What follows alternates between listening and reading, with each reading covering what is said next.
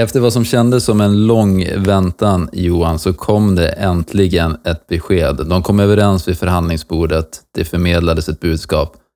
Vad var det som förmedlades? Ja du, det är ju dygnsvilan du, du pratar om och eh, man kan väl säga, jag vet inte riktigt om vi ska definiera det som, som solsken eller pannkaka faktiskt, för det beror nog lite på vem, vem vi frågar. Men det man kan säga i alla fall är att, att eh, det är numera godkänt att arbeta 20 timmar i sträck. Och mm. det finns också en möjlighet att jobba 24 timmar, alltså dygn. Då.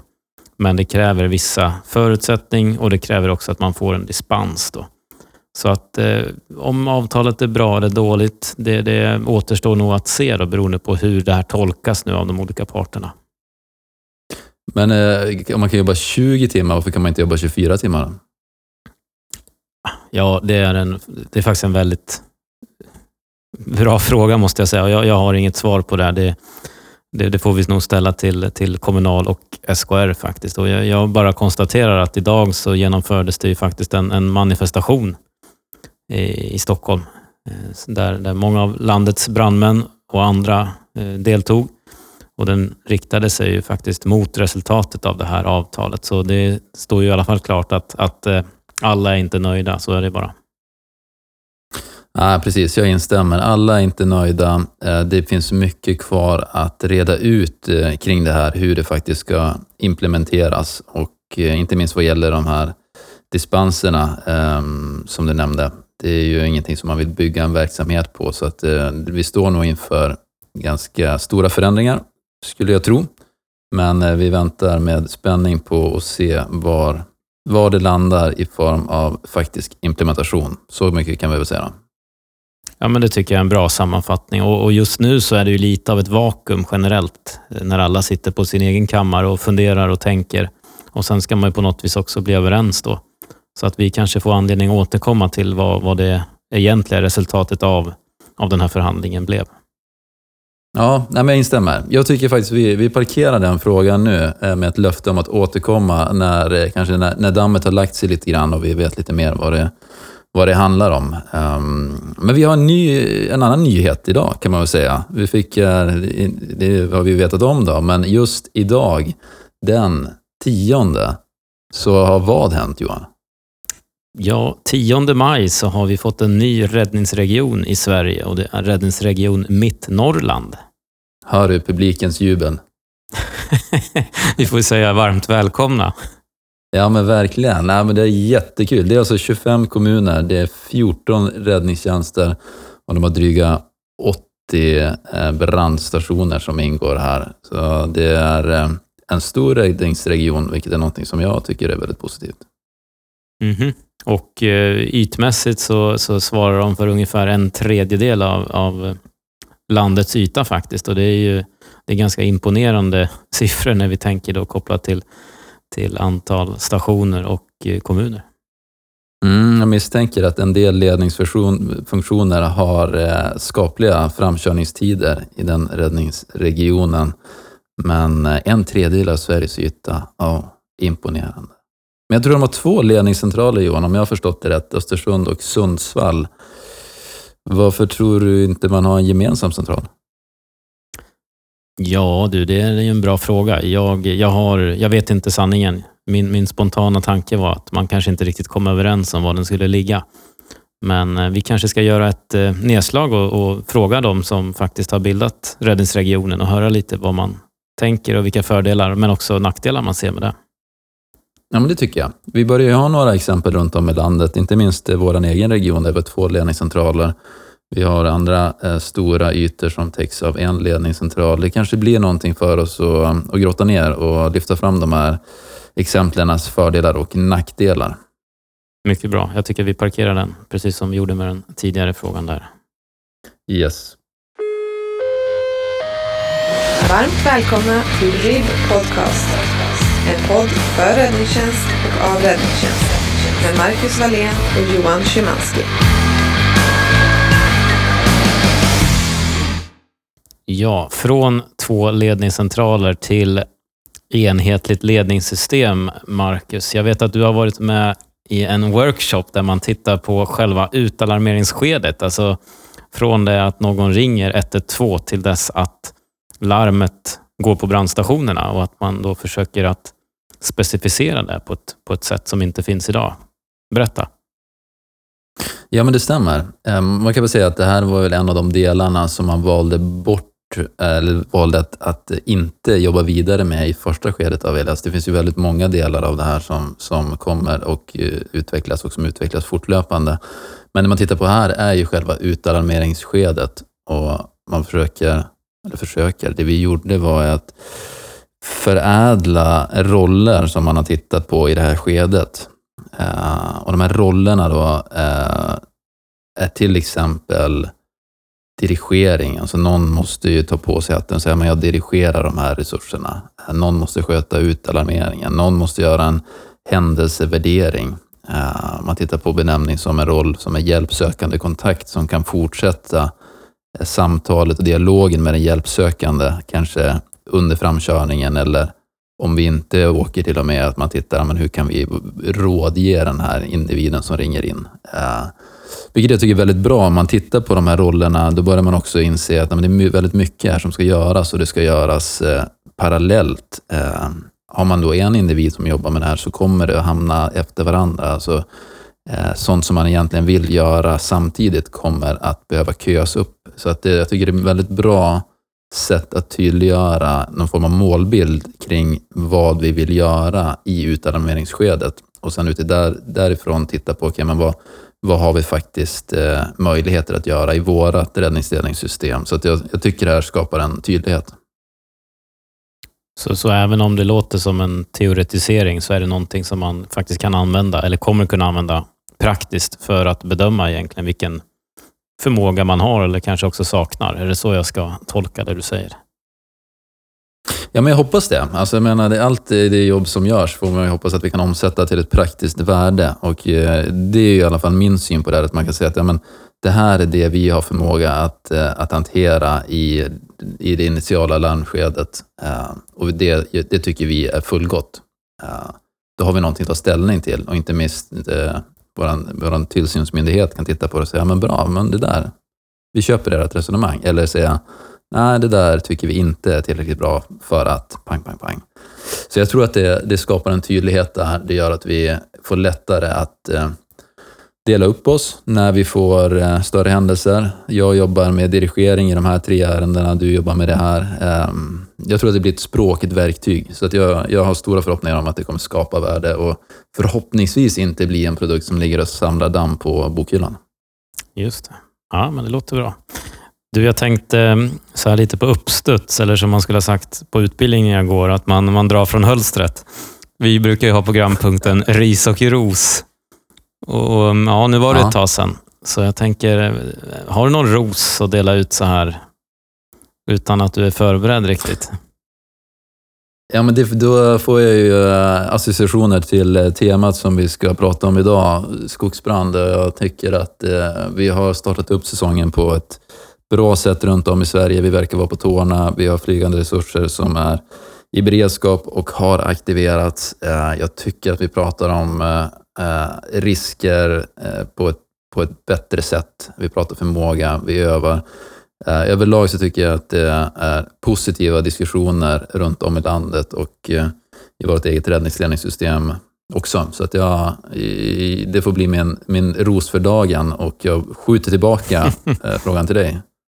Risen, ja den skulle kunna gå till, till det här avtalet som vi pratade om initialt, men det vore lite tråkigt. Men, men jag tänker också spinna på på skogsbrand där och flygande resurser. Och Jag tänker att vi, vi nyttjar kanske de här flygande resurserna i vissa fall lite för mycket. Och Det jag menar med det är inte att vi ska sluta på något vis, utan snarare värdera i vilka fall de verkligen behövs. Så att vi inte hamnar i en situation där de som skriker först eller högst får resurserna och sen så visar det sig att vi har en, en riktig brasa där de verkligen behövs och då är flygtiden slut eller eh, ja, resursen finns helt enkelt inte att tillgå där den verkligen skulle göra störst nytta. Mm. Ja, men jag håller med. Vi har ju pratat om det där tidigare, att det, vi är nog i det skedet nu. Vi har ju gått från att inte ha tillgång till de här resurserna till att förstå hur vi ska använda dem och nu används de väldigt frekvent. Vi får inte slå över på pendeln och hamna i att, eh, att, att det blir för lättvindigt som de här aktiveras. Så jag är helt inne på din linje och då får man ju titta på någon form av bedömningskriterier i termer av eh, omfattning, spridningshastighet, hotade värden, terräng eller liknande. Eller hur resonerar du? Ja, jag tänker på samma sätt.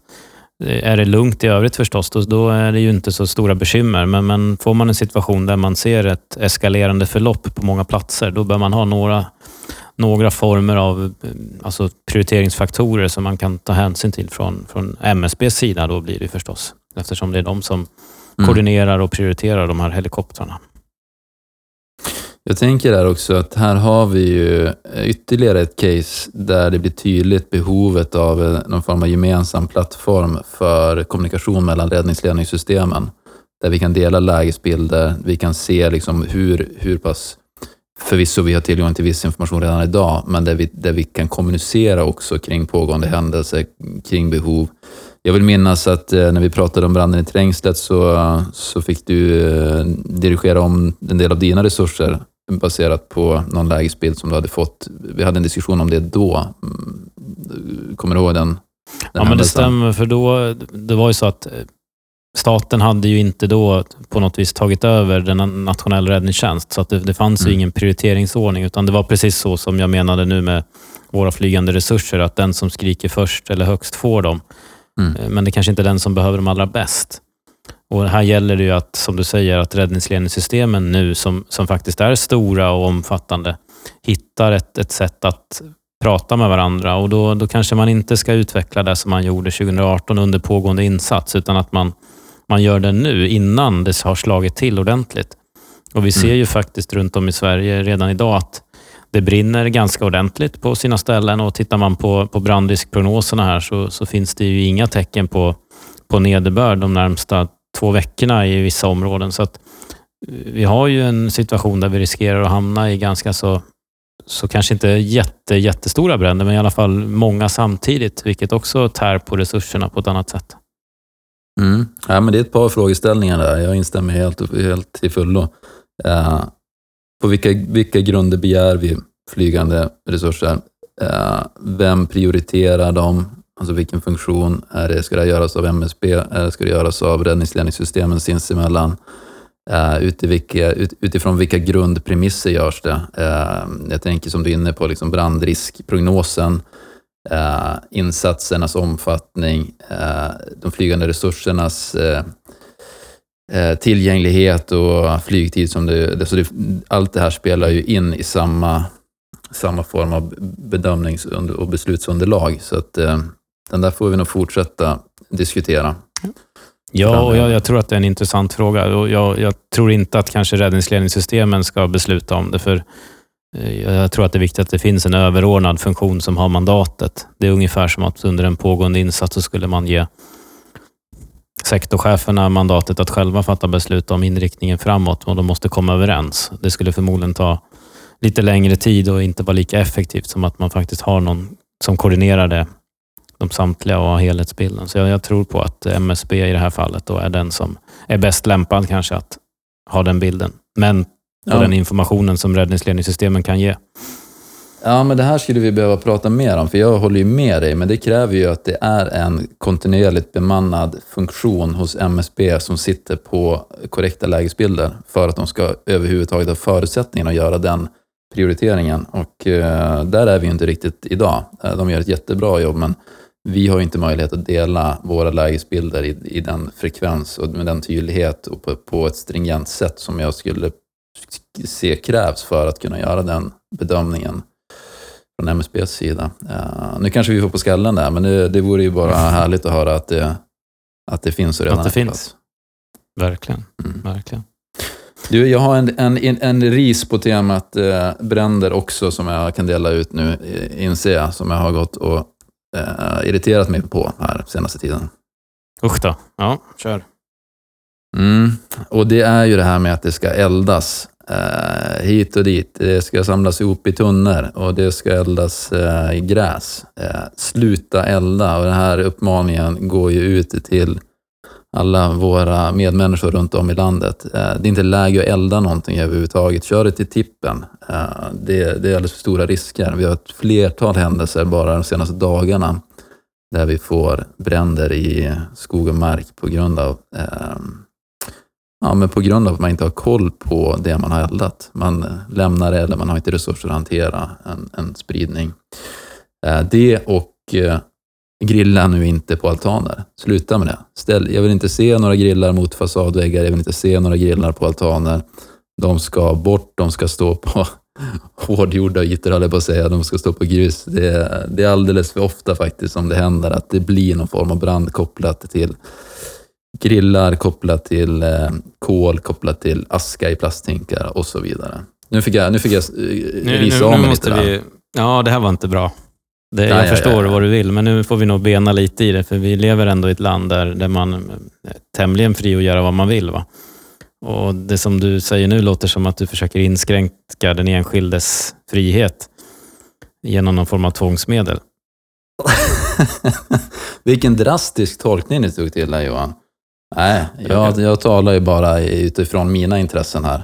Eh, så att det, jag förstår precis. Det får man vara tydlig med. Men du, var, du, hade du något ris där då, ytterligare? Eller? Nej, utan jag hade väl den där vi pratade om där. Jag har nog inget annat ris faktiskt, utan just nu så känns Du risade det mig nyss lite. Ja, nej, jag ville bara att vi skulle vara tydliga här kanske. men jag håller med dig i sak förstås. Då. Men, men det finns ju olika instrument. Men jag tror att hela branschen har varit lite Eh, ja, lite pausad just nu med tanke på den här avtalsfrågan. Så jag har inget ris riktigt att, att dela ut och det är, väl, det är väl ganska bra faktiskt. Ja, men det får man vara nöjd med. Men nu, eh, nu har vi ju pratat om eh, skogsbränder här i olika perspektiv och det är ju faktiskt vårt ämne för dagen. Men vi har ett litet nytt upplägg på gång. Nygammalt upplägg kan man säga. Ja, nygammalt får vi nog lov att säga. Vi, vi, vi kör lite recycling, är väl rätt ord nästan.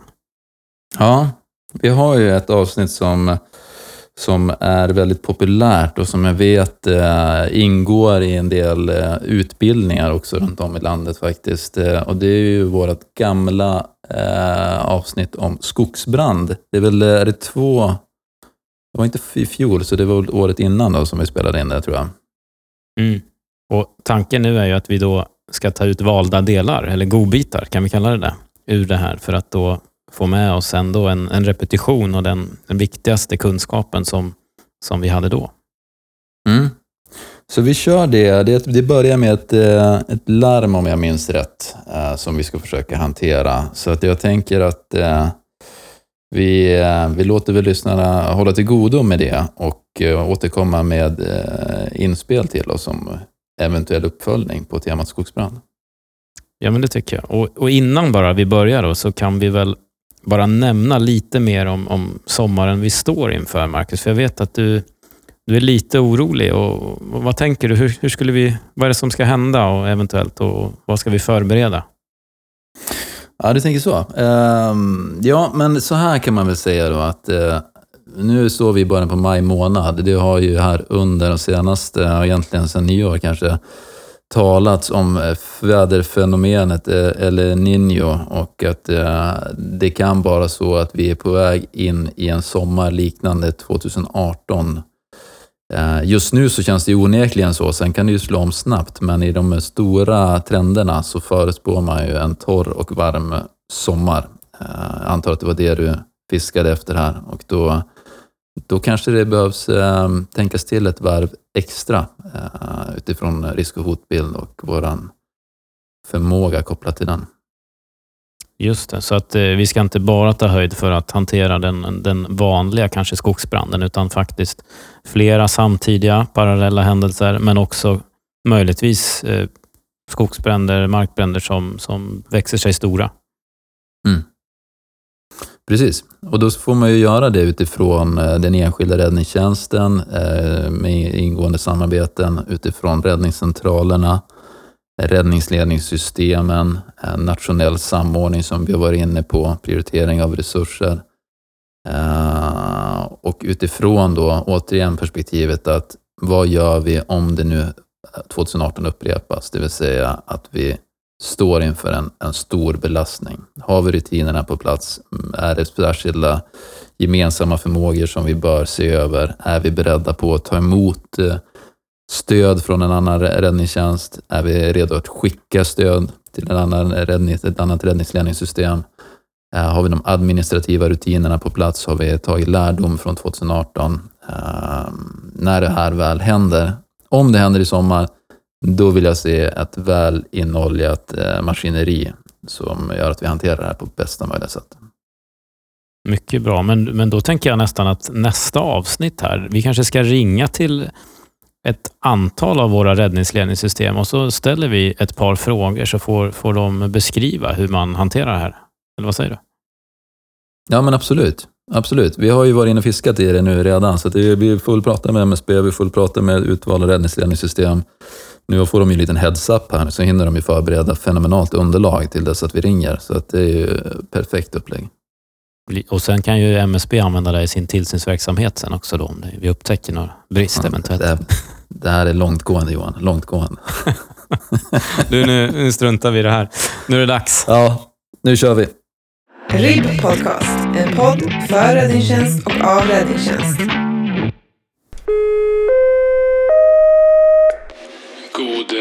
Eftermiddag.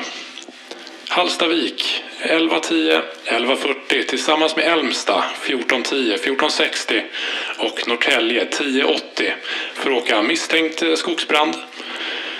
Misstänkt eh, skogsbrand cirka 100 gånger 100 meter Medtag UAV. Eh, oklar position där. Vi jobbar på RAPS 44 44.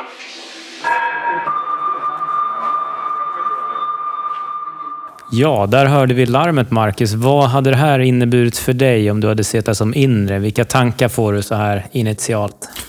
Ja, men förmodligen och förhoppningsvis har jag varit med på medlyssningen här och, och lyckats orientera mig hyfsat i tankarna. Var är det här någonstans? Vad är det för omfattning? Hur fort sprider det sig? Vilka hotade värden? Finns det människoliv? Är det byggnader? Hur kommer vi åt det här? Vad behöver vi för resursutbyggnad? Är det en station, två stationer, eh, vattenenheter? Finns det vattendrag i närheten? Kan vi komma från olika angreppsvägar? Eh, kommer vi komma åt det här? Det är ju tusentals tankar i känslan i alla fall som susar genom huvudet, så det är rätt intensivt där i uppstartsläget och det är beslut som ska fattas initialt och på, ja, för att inte säga sekunder, så, så minuter i alla fall. Eh, och sen får vi jobba därifrån. Men det är viktigt att få rätt ingångsvärden så att också styrkorna får rätt eh, en bild framför sig när de åker ut. Hur, eh, hur resonerar du? Ja, det, det, är förstås eh, liknande och jag tänker i och med att vi inte har någon exakt position i det här fallet då, så, så blir det den primära uppgiften och, och det man kanske oftast ser sådär tycker jag, det är att alla åker runt och letar och det är oftast inte så effektivt. Utan det är bättre att smälla till med en brytpunkt eller någon halvhalt någonstans där man ställer de tyngre fordonen och sen, sen försöker man jobba från luften egentligen. Det är det enklaste med UAV eller flygplan eller helikopter för att få en bättre adress. Eh, så att inte alla åker in på samma väg och så visar sig att det var inte rätt. Nej, ja, men mycket klokt. Och där får man ju också då vara lite, ha lite is i magen och, och försöka få grepp på vad det är för resurser som kommer att behövas och var de ska. Då. Så att det är väl en god tanke att eh, inte larma på allt för mycket eh, initialt och att eh, skicka mycket resurser till lämplig brytpunkt då, så att vi kan komma rätt på det snabbare. Um, ofta så sitter ju eh, de drönarna som är ute på, på de mindre fordonen, är min uppfattning, kanske på en 80-bil eller liknande. Så att eh, det är väl lämpligt att de får börja jaga då från, från luften. Precis, och jag tänker också att här, här spelar ju dagens brandriskvärden en väldigt stor roll också. Är det så att man har extremvärden så kan det ju vara så att man faktiskt fatta beslut om att larma helikopter redan från början eh, för att eh, påbörja en begränsningsinsats. Då. Men, mm. men eh, ja, det får vi se vad som händer. RIB Podcast, en podd för räddningstjänst och av räddningstjänst. När vi kommer fram till den här branden då Johan, vad, vad blir din... Eh, säg att du åker som, eh, som yttre, någon yttre ledningsfunktion här. Vad, eh, vad blir dina, dina första åtgärder? Ja, alltså det, det beror ju lite på hur det ser ut. Då, men, men normalt sett så vill jag gärna orientera mig på platsen. Eh, antingen genom att eh, springa runt brandområdet om det är möjligt eller få upp eh, UAVn, alltså drönaren, då, i luften så att jag kan dels titta på var någonstans branden sprider sig, hur, hur stor omfattning det är, men också se om det finns några naturliga begränsningslinjer och, och vatten i närheten också. Då. Så att eh, det handlar om att orientera sig då för att eh, kunna fatta något form av beslut kring hur vi ska attackera den här brasan. Och vad är ditt eh, budskap till manskapet då som är rätt sugna på att börja släcka det här? Ja, det är ju jättesvårt att säga. Alltså normalt sett kan man väl tro att om det är en mindre brand eh, så, så blir det ju ofta direkt släckning. Alltså att man vill ju gå på fronten och då är då är det oftast väldigt tydligt vad som behöver göras. Alltså det är bygga slangsystem. Eh, om det inte är så att man mm. kan gå med, med ryggsprutor eller liknande till och med. Men, men bygga mm. något form av slangsystem och så gå på fronten så fort det bara går. Eh, det klassiska misstaget här det kan ju vara att man väljer att släcka för långt in i brandområdet istället för att eh, primärt eh, begränsa utbredningen och spridningen. Så det är väl det viktigaste att tänka på i det här läget faktiskt. Att eh, slå ner lågorna, se till att den inte sprider sig vidare och först därefter kan vi börja jobba oss in i själva brandområdet. Mm. Ja, men det är bra. Några viktiga poänger där. Dels eh, som vanligt då, balansen mellan att komma igång att, och att göra rätt eh, saker. Eh, vi vet ju att där vi ställer bilarna, där kommer de bli kvar ganska länge. Mm. Vi, kommer inte bryta vårt vatten när vi väl har bestämt oss för vad vi kör igång. Eh, och sen att vara noga med eh, det vattnet vi har med oss i uppstarten. Jag menar det, vi har förmodligen begränsat med vatten att tillgå så att det används på rätt sätt, att vi, att vi får stopp på branden, att det är fokus och sen precis som du säger att eh, i ett senare skede, då, eller i nästa steg, kunna jobba oss inåt och, och se till att eh, få ordentligt släck på det. Men eh, vad om, det, om vi leker med tanken att eh, det hinner rusa iväg lite för mycket då? Vad, hur resonerar vi då? Säg att vi inte liksom hinner runt fronten direkt. Ja, då kan det ju hända att vi behöver få lite stöd då, och primärt från luften tänker jag, med, med helikoptrar eller liknande. Eh, och det man har att vända sig till då, det är väl i, i princip två stycken eh, olika organisationer kan man säga. Dels om man har något avtal med en privat aktör som man kan ringa in snabbt och enkelt. Men, men det vi rekommenderar det är ju faktiskt att ta kontakt med, med MSB och de statliga resurser som, som finns att tillgå idag. Just det. Men du undrar ifall vi ska prova att ringa, eh, ringa MSB och höra oss för lite kring det? Vad tror du? Absolut. RIB Podcast, en podd för räddningstjänst och av räddningstjänst.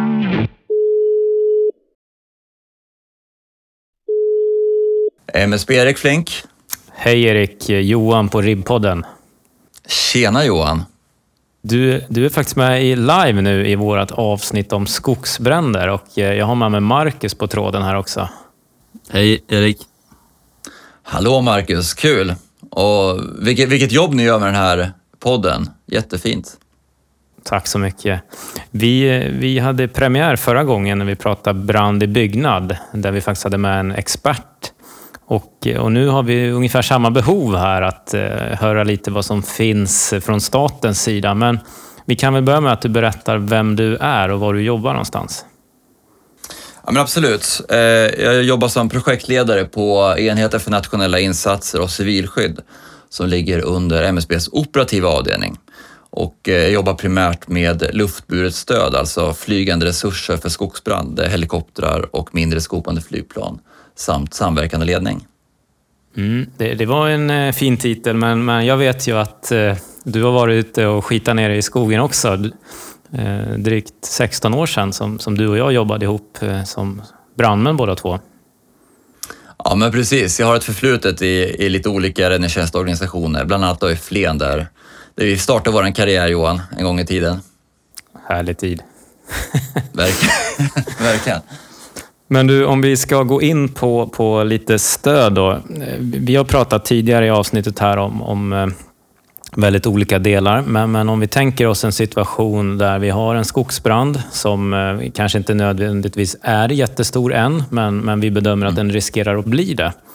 Eh, och då tänker vi att vi vill veta lite vad man kan få för stöd från MSB i det läget.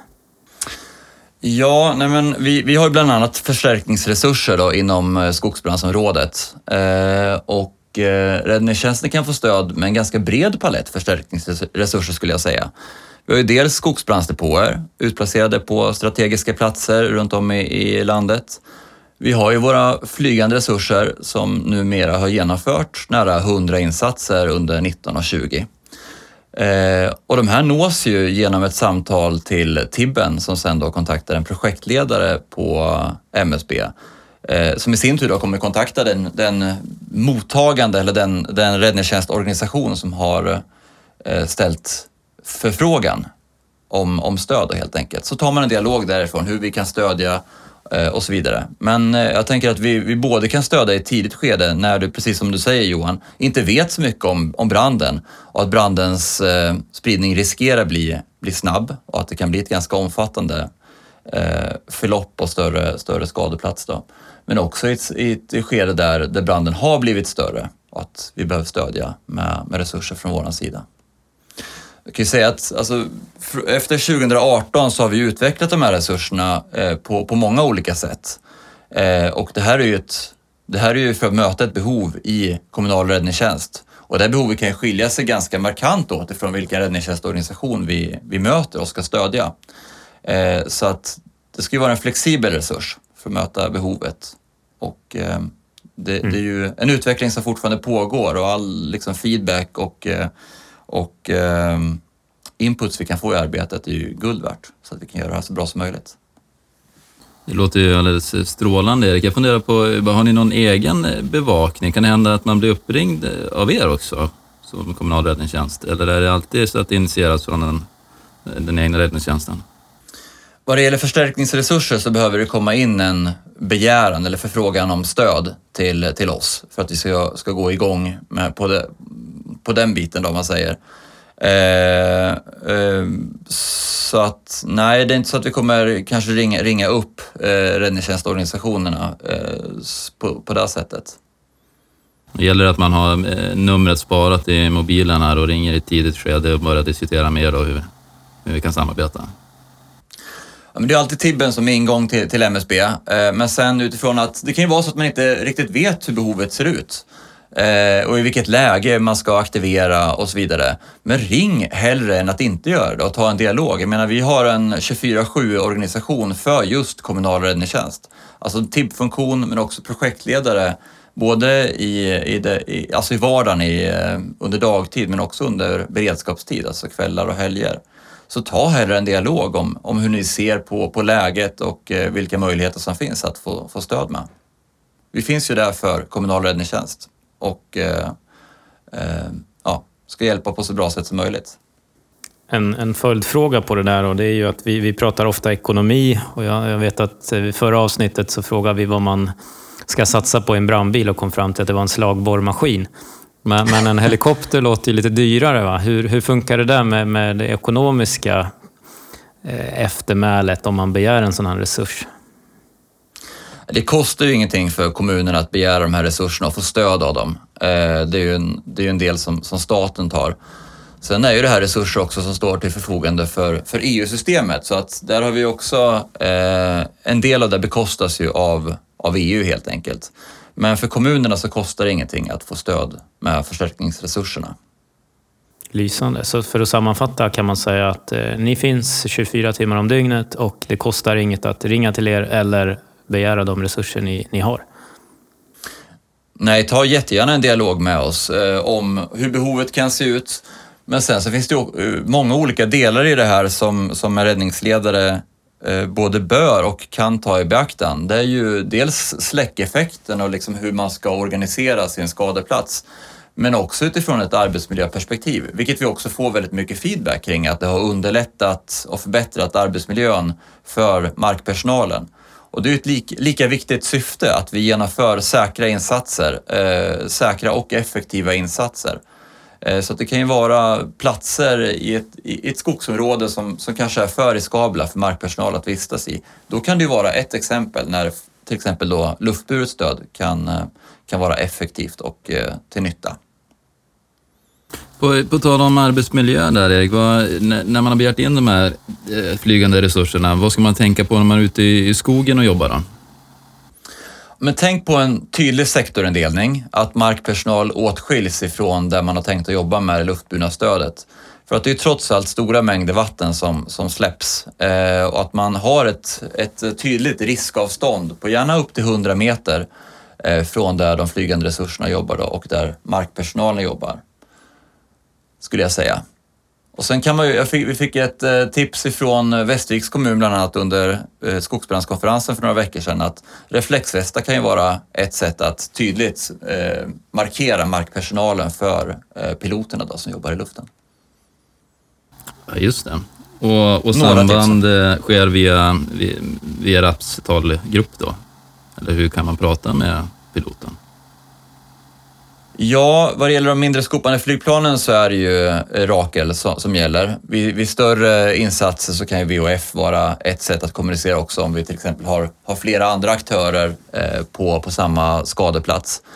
Eh, men vad det gäller helikoptrarna så en, en, eh, en positiv sak är ju att de ofta kan landa, man kan ha en, en direkt kommunikation, eh, kanske till och med göra en rekognosering tillsammans över området. Och där också telefon, Facetime, Rakel med mera eh, fungerat. Så det är väldigt flexibelt skulle jag säga. Mm. Eh, det var de flygande resurserna. Du nämnde också skogsbrandsdepåer här tidigare i samtalet. Eh, ja. Kan du berätta lite, vad, vad är det och vad kan man förvänta sig av en sån?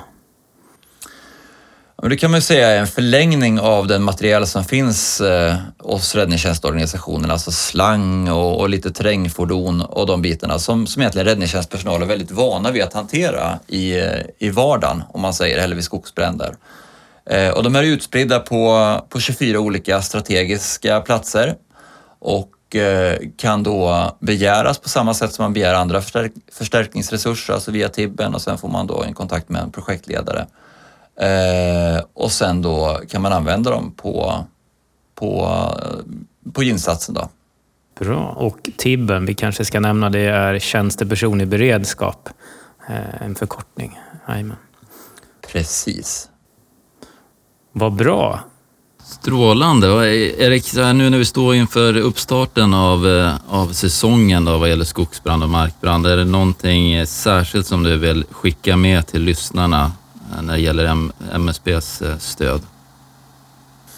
Ja, men det viktigaste är ju att det här är resurser som finns för er. Eh, kontakta oss gärna både med feedback eh, ifall ni har frågor, någonting ni behöver bolla under eller inför eller efter en insats. Vi har ju en, en organisation, både en dagtidsorganisation som, som eh, ni enkelt når, men också under insats, så kontakta oss hellre än att inte göra det. Om, om ni eh, ser behovet helt enkelt. Och eh, det, ska vara, det ska vara enkelt helt enkelt att eh, både aktivera våra resurser men också att jobba med dem under en insats. Eh, säsongen är lång. Eh, vi drog förra, gång, eh, förra året igång i mitten på april. Där befinner vi oss just nu. Eh, och den pågår till någonstans mitten på september förra året. Vi tänker väl oss att det kan vara något liknande i år. Så en lång säsong och under den tveka inte att höra av er till oss för att liksom bolla eller ge oss feedback. Ja, det låter alldeles strålande. Yes. Det, det, tar vi med oss och så hoppas vi på eh, många lyckade exempel på gott samarbete och snabbt släckta skogsbränder här framöver. Det kanske Absolut. är eh, bäst att vi lägger på då så att det inte blir upptaget när de ringer till dig nu, Erik. Nej, det är väl så. Nej, men tack för att, vi, för att jag fick vara med och snacka skogsbrand med er. Tack själv. Stort tack. Tack. Vi hörs. Det gör vi. Hej. Hej då. RIB Podcast, en podd för räddningstjänst och av räddningstjänst. Ja, intressant Johan där. Ehm, många olika aspekter att tänka på när det gäller flygande resurser och, och förstärkningsresurser, men otroligt skönt eh, att, att det finns att tillgå. Det, det har ju inte alltid varit så vad gäller de flygande resurserna. Det är ju inte så många år, men eh, du var väl med i början där, när, både innan och efter. Eh, vad är dina erfarenheter av flygande resurser? Ja, alltså man, man kan ju säga som att de här statliga resurserna, de kom ju faktiskt till eh, på grund av erfarenheterna från bränderna 2018. Och det är vi ju oerhört tacksamma för att staten har klivit in och, och, och tar det ansvaret också, tar de, de ekonomiska delarna av det. Men, men generellt kan man ju säga att stöd från luften är ju extremt effektivt. Men det viktiga att förstå är ju att en helikopter släcker inga bränder utan det är fortfarande så att en helikopter kan bistå och begränsa. Men sen är det fortfarande markpersonalen som är avgörande för att släcka och helt stoppa en skogsbrand. Så, så man får ju inte tro att man kan byta brandmän på marken mot helikoptrar i luften. Så fungerar det inte. Eh, utan det, det, här är en kombination av åtgärder för att nå största möjliga effekt. Mm. Ja, men jag, jag tänker likadant, att det, i olika lägen ska vi nyttja resurserna eh, på olika sätt. Eh, initialt så kan det handla om att, att få en överblick och rama in och, och, få koll på, på branden. Eh, det kan vara så att vi har väldigt svårt att ta oss fram och då är det ju ovärderligt att få den här begränsande effekten under tiden tills vi kan komma till platsen och släcka på marken. Och sen då, ja men givetvis hur, hur, beroende på brandens utveckling, rör den sig jättesnabbt och, och är väldigt aggressiv, då kanske inte vi kan vara framme och jobba.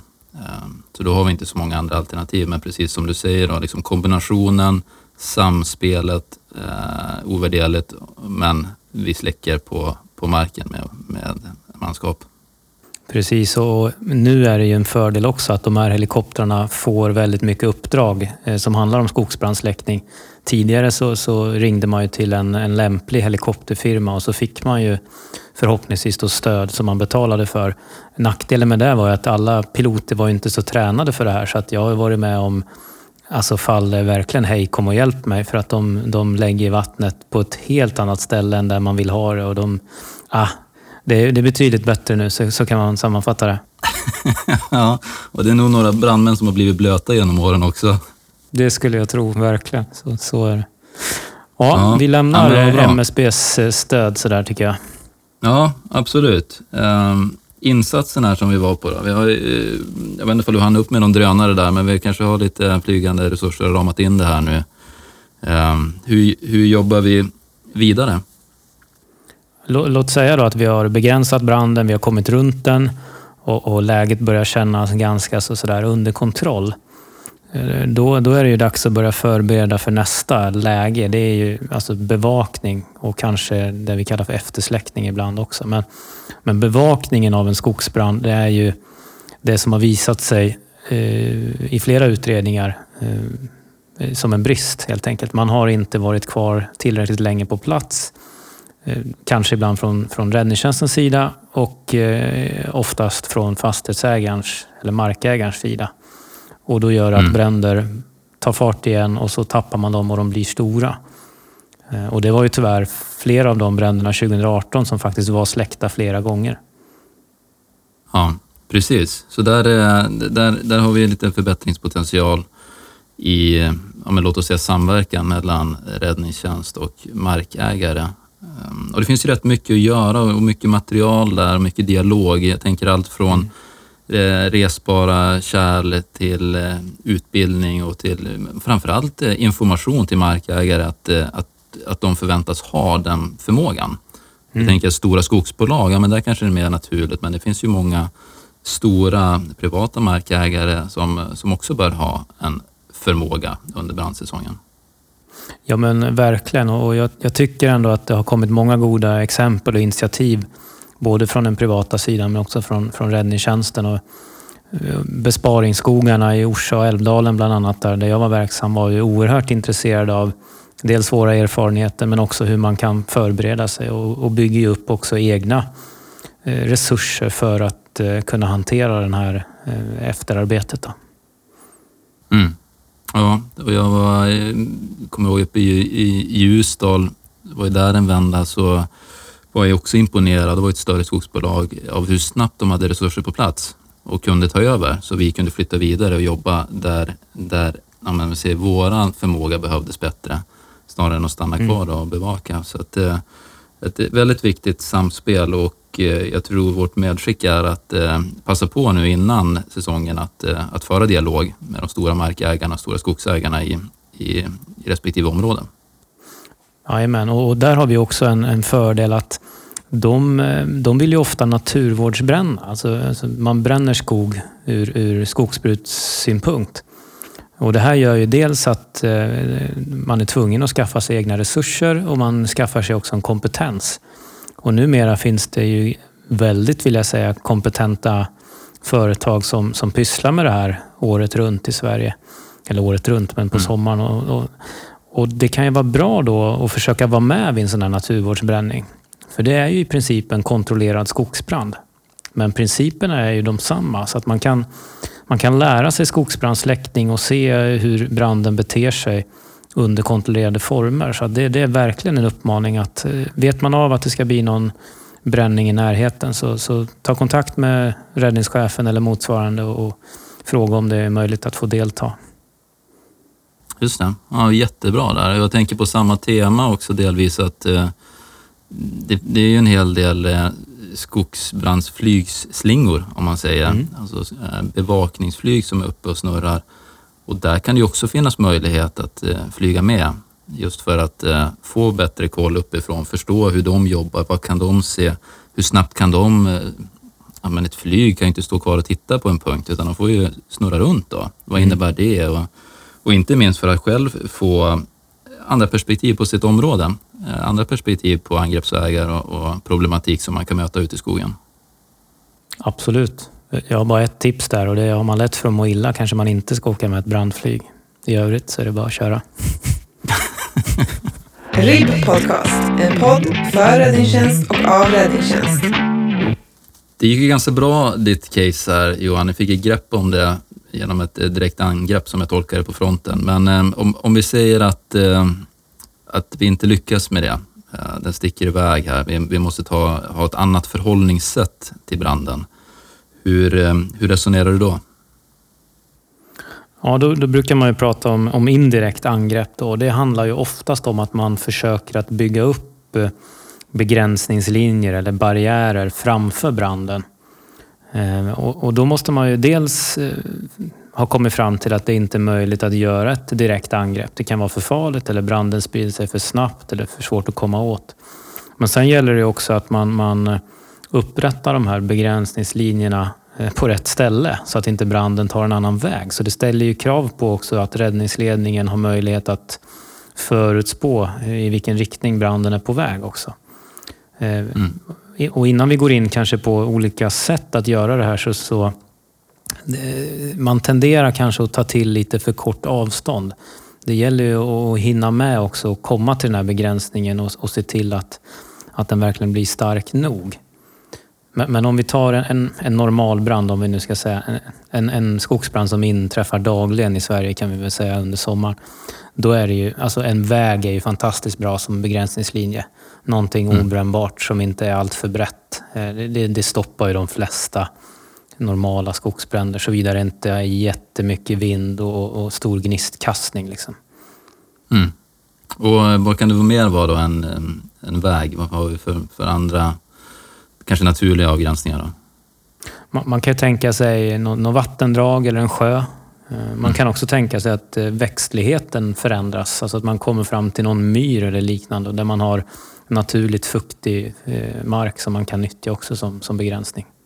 Mm, precis, och jag tänker här kommer den inre bakre ledningen in i bilden också och kan bidra med allt från kartor till ja, andra kontakter inom kommunen som kan hjälpa till på, både på det ena och mm. andra sättet. Så att, en viktig del där när, när, det, när insatsen blir av en annan karaktär att titt, stanna upp och titta och, och identifiera de här begränsningslinjerna. Och... Nej, men man måste ju ha också respekt för bränderna, för när de blir tillräckligt stora, då är ju en väg ingenting alltså. Vi mm. såg 2014 när någon brand hoppade över en kilometer eh, och under 2018 så hade vi extrema hopp på grund av gnistknastningar så att det var inte möjligt för människan att stoppa de här. Så, så det Nej. gäller ju också att känna igen signaler på när det börjar på att barka iväg och, och bli farligt.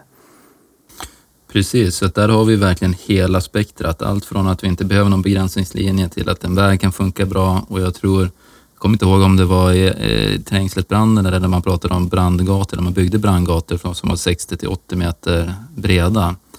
Eh, vilket är ett jättejobb Eh, och sen då extremen som, som du beskrev, då, där, det, där det inte ens är, är någonting att fundera på för att det, det hoppar betydligt längre än så. Mm. Och sen har vi ju den yttersta begränsningslinjen, eller vi ska säga, det är ju faktiskt att göra skyddsavbränningar. Eh, moteld finns ju också, men det är ju ytterst sällan man använder i, i Sverige. Men skyddsavbränningar innebär ju att man, man bränner av ett område i förväg så att bränslet är borta. Och det gör ju att när branden väl kommer dit så, så ja, finns det helt enkelt ingenting mer som kan brinna. Och det här var ju åtminstone under den branden på Trängslet ett av de mest effektiva sätten att stoppa eh, utbredningen. Men det är ju inget som, som jag personligen går ut och tänder på utan det här, det här kräver ju verkligen att det är experter på plats som, som eh, normalt sett kanske utför naturvårdsbränningar eller liknande. Mm. Precis. Jag tänker där, där, där knyter vi väl kanske ihop säcken med det förebyggande analysarbetet när man har tittat på hur ser prognoserna ut till eh, det faktiska arbetet på plats, eh, inventering av markerna, titta på topografi, titta på bränslet, titta på eh, begränsningslinjer, eh, resonerar utifrån eh, brandens utveckling, temperaturer, tid på dygnet, vind, luftfuktighet. Börjar man gå mot kvällen, ja, men då, då har man ett annat läge. Mörkret faller, kanske inte samma möjligheter att jobba samtidigt som vi får en naturlig dämpad brand då, i de flesta fallen av, ja, på grund av att det börjar blåsa, eller det slutar blåsa och blir lite mer fuktigt. Ehm, hur, hur tänker du kring de variationerna på dygnet? Ehm, ja, där skulle jag vilja påstå att vi måste bli bättre på att nyttja eh, fukten, den naturliga i luften. Så att, att, eh, att helt avsluta släckningsarbetet på natten, det, det, det, tror jag inte är en framgånglig väg. Utan det gäller att befinna sig på, i en sån miljö som fortfarande är säker. Man kanske inte ska vara mitt i området. Men att man inte släpper helt och hållet. Men sen att man verkligen kör igång med 110 procent så fort det är möjligt att börja ljusna. För det är då vi har möjlighet att ta bränderna. Väntar vi till förmiddagen och så börjar på klockan bli lunch och ett där, ja då helt plötsligt är vi inne i de här sämsta tänkbara värdena igen. Och då, då har vi liksom en, en fiende som är starkare än oss redan naturligt. Så det gäller att ta hjälp av naturen här och, och, verkligen satsa på att vi har stora resurser både på morgonen och på kvällen. För det är då vi har som störst hjälp av, av moder natur. Mm, spännande. RIB Podcast, en podd för räddningstjänst och av räddningstjänst.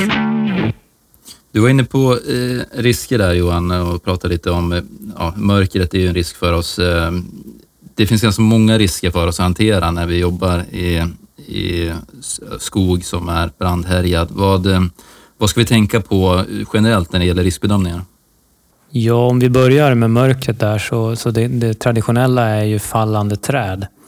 Eh, att man har haft bränder som har gått djupt och tagit på rotsystemet och så, så har man ingen möjlighet att se när det här sker utan det, när det väl träffar en så är det för sent så att säga. Så i mörker så är det ju väldigt farligt att befinna sig i ett sådant område. Man kan ju trampa ner i glödbäddar och liknande. Så att mörker är ett kapitel för sig kan man säga. Eh, men, men generellt där så, så har vi ju röken förstås. Det handlar ju om att försöka stå med vinden i ryggen vilket eh, kan vara väldigt svårt när man vill åt framfronten för då kommer man ju oftast framifrån branden men man får komma från sidorna om det går. Eh, vi har snabb spridning så det gäller att ha någon form av reträttväg ifall att eh, vi får en vindpust, läget förändras sig på något vis. Då. Så det, det finns ju åtskilliga risker. Vi, ofta så har vi också andra typer av risker. Vi kör väldigt mycket bilar på små vägar det eh, kan hända olyckor kopplat till, till trafik så att säga. Eh, men också framförallt när vi börjar slappna av.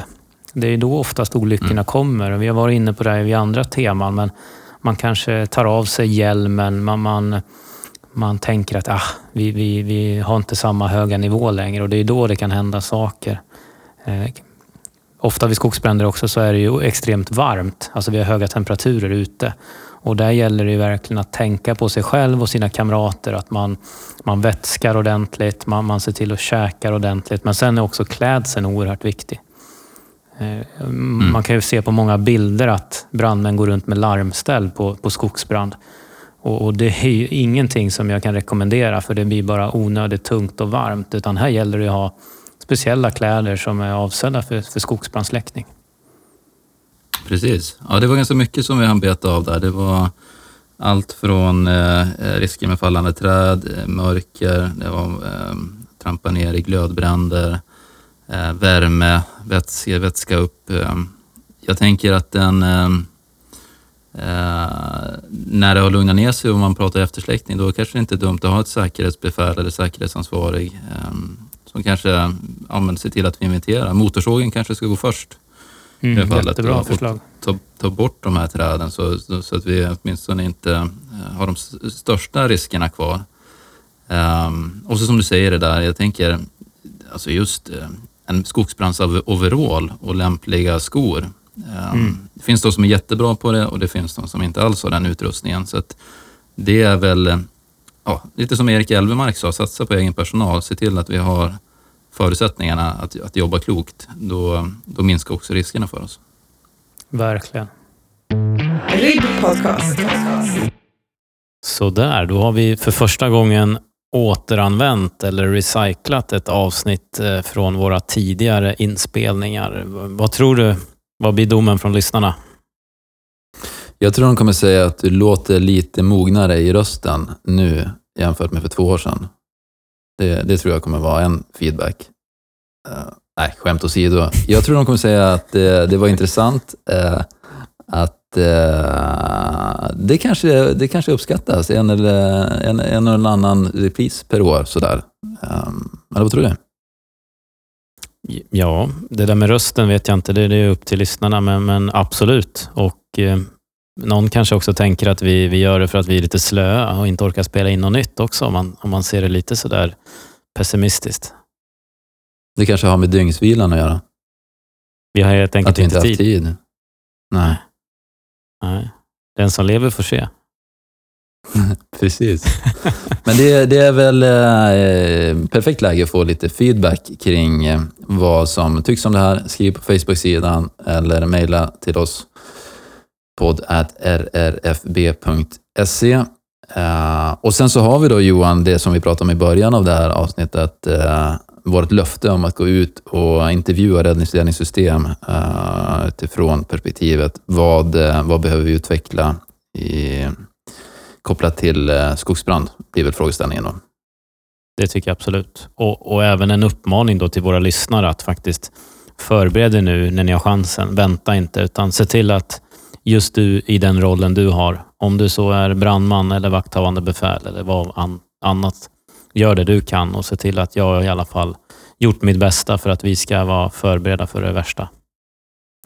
Exakt, och hör av er till oss med inspel, med åsikter, med, med saker vi kan prata om. Uh, vi, vi, vi älskar det, vi behöver det, det är det som gör innehåll i podden. Så ytterligare en, en uppmuntran till att kontakta oss. Just det, och sen så ska vi se över lagstödet där för dina tvångsmedel kopplat till eldning och eh, grillning på balkong. Men, men nej, lyssna på Marcus. Ja.